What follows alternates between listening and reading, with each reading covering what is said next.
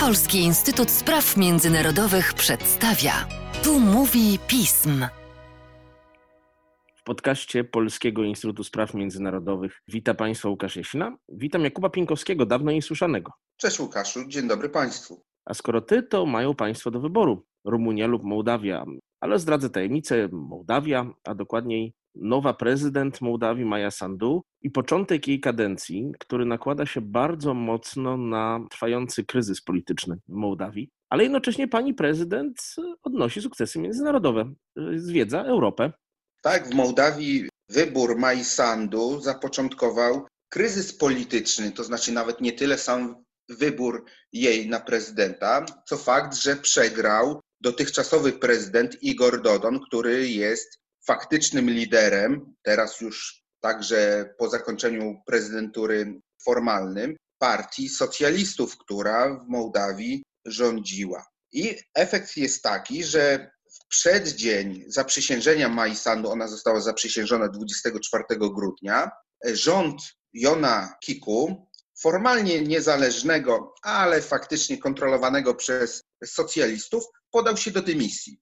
Oficjalnie socjaliści przedstawiali to jako wyjście naprzeciw oczekiwaniom Sandu, że oni się teraz usuną na bok i proszę bardzo, nowa pani prezydent niech rządzi tak, jak zapowiadała, że będzie skutecznie rządzić. Oni nie będą w tym przeszkadzać. Ale faktycznie zrobili to tylko po to, żeby wywołać kryzys rządowy, ponieważ w obecnym parlamencie nie ma szans na stworzenie jakiejkolwiek koalicji rządzącej, która by była stabilna. I równocześnie problem polega na tym, że konstytucja mołdawska w ogóle nie przewiduje takiej możliwości jak samorozwiązanie parlamentu. Tutaj proprezydencka partia działania i solidarności, to jest partia Majsandu, nawet wystosowała zapytanie do sądu konstytucyjnego, czy można by było skoro to nie jest uregulowane, a równocześnie konstytucja tego wprost nie zabrania, czy można by było podjąć taką uchwałę, gdyby poparło ją dwie trzecie posłów? No, sąd konstytucyjny odrzekł, że to jest niemożliwe. W konsekwencji trwa kryzys, jest bałagan po stronie rządu, który jest w tej chwili rządem tymczasowym. Funkcję premiera powierzono dotychczasowemu ministrowi spraw zagranicznych Aureliu Czokoj i działania socjalistów obliczone są na to, aby Maję Sandu skompromitować w oczach społeczeństwa, skompromitować jej partię i jak już dojdzie do tych przedterminowych wyborów, to żeby socjaliści uzyskali w nich taki wynik, aby po nich odzyskali rządy. Tutaj też jest bardzo ciekawy wątek, jakie działania socjaliści podjęli od momentu, kiedy było wiadomo, że Igor Dodon przegrał, do momentu zaprzysiężenia Majsandu. W ciągu grudnia uchwalili z pomocą takiej, takiego bloku, który się nazywa bardzo ładnie dla Mołdawii. On skupia ich wrogów politycznych. Partię Szora, która, no jak sama nazwa wskazuje, jest partią Ilana Szora, burmistrza Orgiejowa, biznesmena, który był zaangażowany w aferę miliarda, kiedy to wyprowadzono z mołdawskiego systemu bankowego miliard dolarów w 2014 roku oraz grupą posłów oficjalnie niezależnych, którzy byli niegdyś w partii za Mołdawią, a wcześniej w demokratycznej partii, która, no, no, którzy tak naprawdę są związani cały czas z Wladem Plachotniukiem, oligarchą, który rządził Mołdawią, a teraz przebywa za granicy i ukrywa się w Turcji.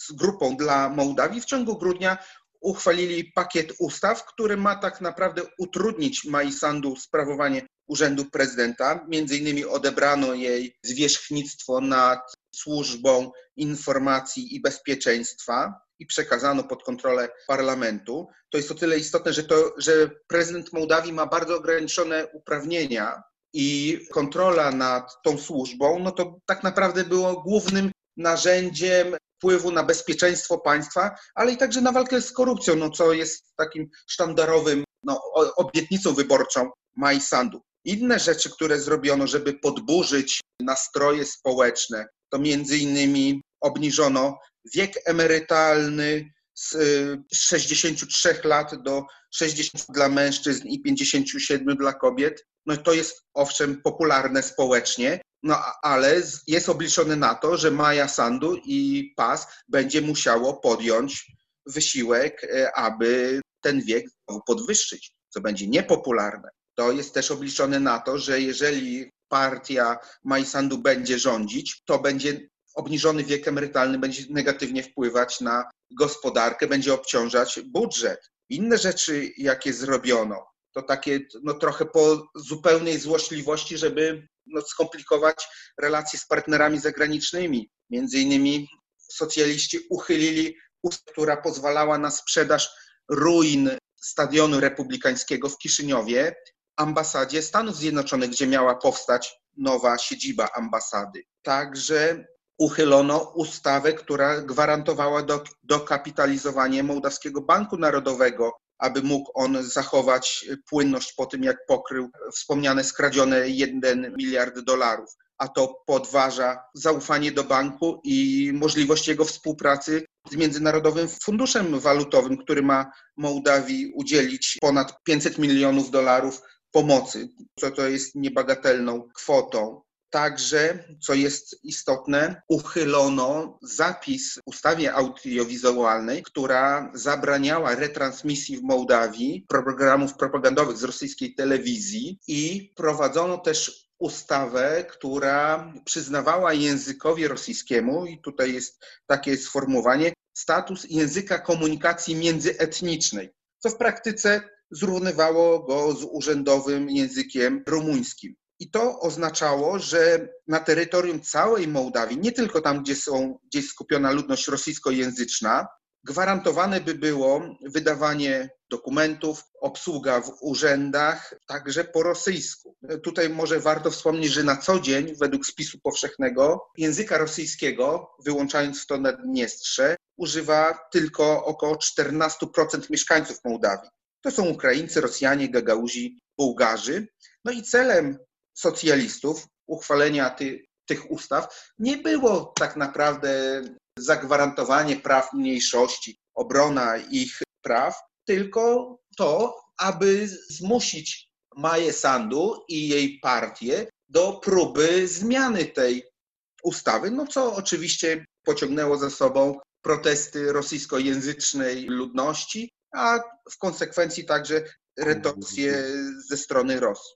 No to koniec się nie, do, nie udało, no bo Sąd Konstytucyjny uznał, że ta ustawa jednak jest niekonstytucyjna. Jakubie, ale zostało nam już niewiele minut naszego podcastu.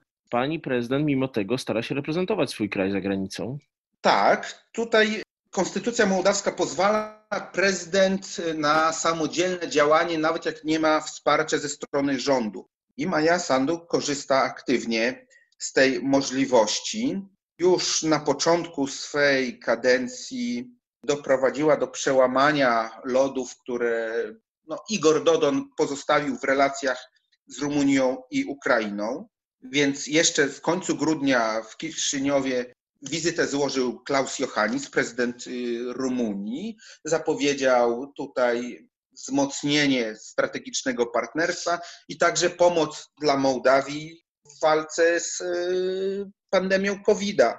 I między innymi polegać to ma na tym, że Rumunia przekaże 200 tysięcy dawek szczepionek. Pomoże także w opracowaniu planu szczepień, bo to było zaniedbane przez socjalistów. Później, dwa tygodnie później, Maja Sandu złożyła swoją pierwszą wizytę zagraniczną i pojechała do Kijowa, gdzie spotkała się między innymi z prezydentem Wołodymyrem Zełęńskim. Podpisała memoranda zapowiadające y, ustanowienie partnerstwa strategicznego, no i projekty infrastrukturalne.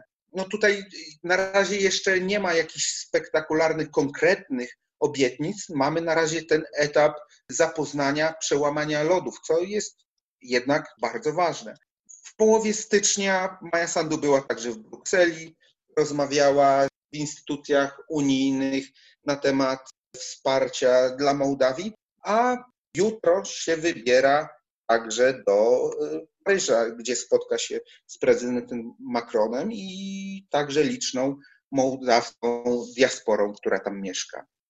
O której zresztą wspominałeś w trakcie wyborów. Kubo, czyli prezydent walczy o swoje prawa i o swoje istnienie na arenie politycznej. Tak, ale sytuację ma niezwykle trudną, bo bez oparcia w rządzie i w większości parlamentarnej naprawdę niewiele może. Tutaj Maja Sandu gra zmierza do tego, aby rozwiązać parlament. Konstytucja mołdawska pozwala to tylko w dwóch momentach. Albo jeżeli jest paraliż ustawodawczy, czyli przez trzy miesiące parlament nie jest w stanie uchwalać ustaw. Jeżeli by to się udało, to wybory mogłyby i tak się odbyć dopiero późną wiosną, bo od początku lutowej sesji by było to liczone. A druga opcja to jeżeli rząd nie zostanie nowy powołany w ciągu 45 dni i dwa razy będą nieudane próby powołania takiego rządu. I w tej chwili Maja Sandu właśnie gra na tę opcję. Dlatego 27 stycznia desygnowała Natalię Gawrylicę, to jest pani, która była ministrem finansów w rządzie, kiedy Maja Sandu w 2019 roku była premierem przez krótki czas. No i to jest obliczone na to, że Izba odrzuci jej kandydaturę, ponieważ e, tak naprawdę w Izbie zasiadają partie przeciwne Sandu. Natomiast problem jest taki, że jest mnóstwo posłów oficjalnie niezrzeszonych lub partii, które nie mają szans na reelekcję w przypadku rozwiązania parlamentu. I tutaj socjaliści liczą na to, że poprą oni gremialnie kandydatkę Majsandu, która została zgłoszona po to, żeby uruchomić właśnie tę procedurę rozwiązania parlamentu. Więc jest ryzyko poważne, że zostanie ona zatwierdzona na premiera i powstanie w ten sposób rząd, który no, będzie bardzo niestabilny, który nie będzie w stanie efektywnie bez wsparcia parlamentu rządzić. No ale co będzie potwierdzać no, propagowaną przez socjalistów tezę, że Maja Sandu jest politykiem nieudolnym, który wprowadza tylko w Mołdawii chaos, będzie miała nawet swój rząd, proszę bardzo, a nie jest w stanie efektywnie rządzić. No w konsekwencji socjaliści liczą na to, że jak już w końcu dojdzie do tych przeterminowych wyborów, no to uda im się odzyskać władzę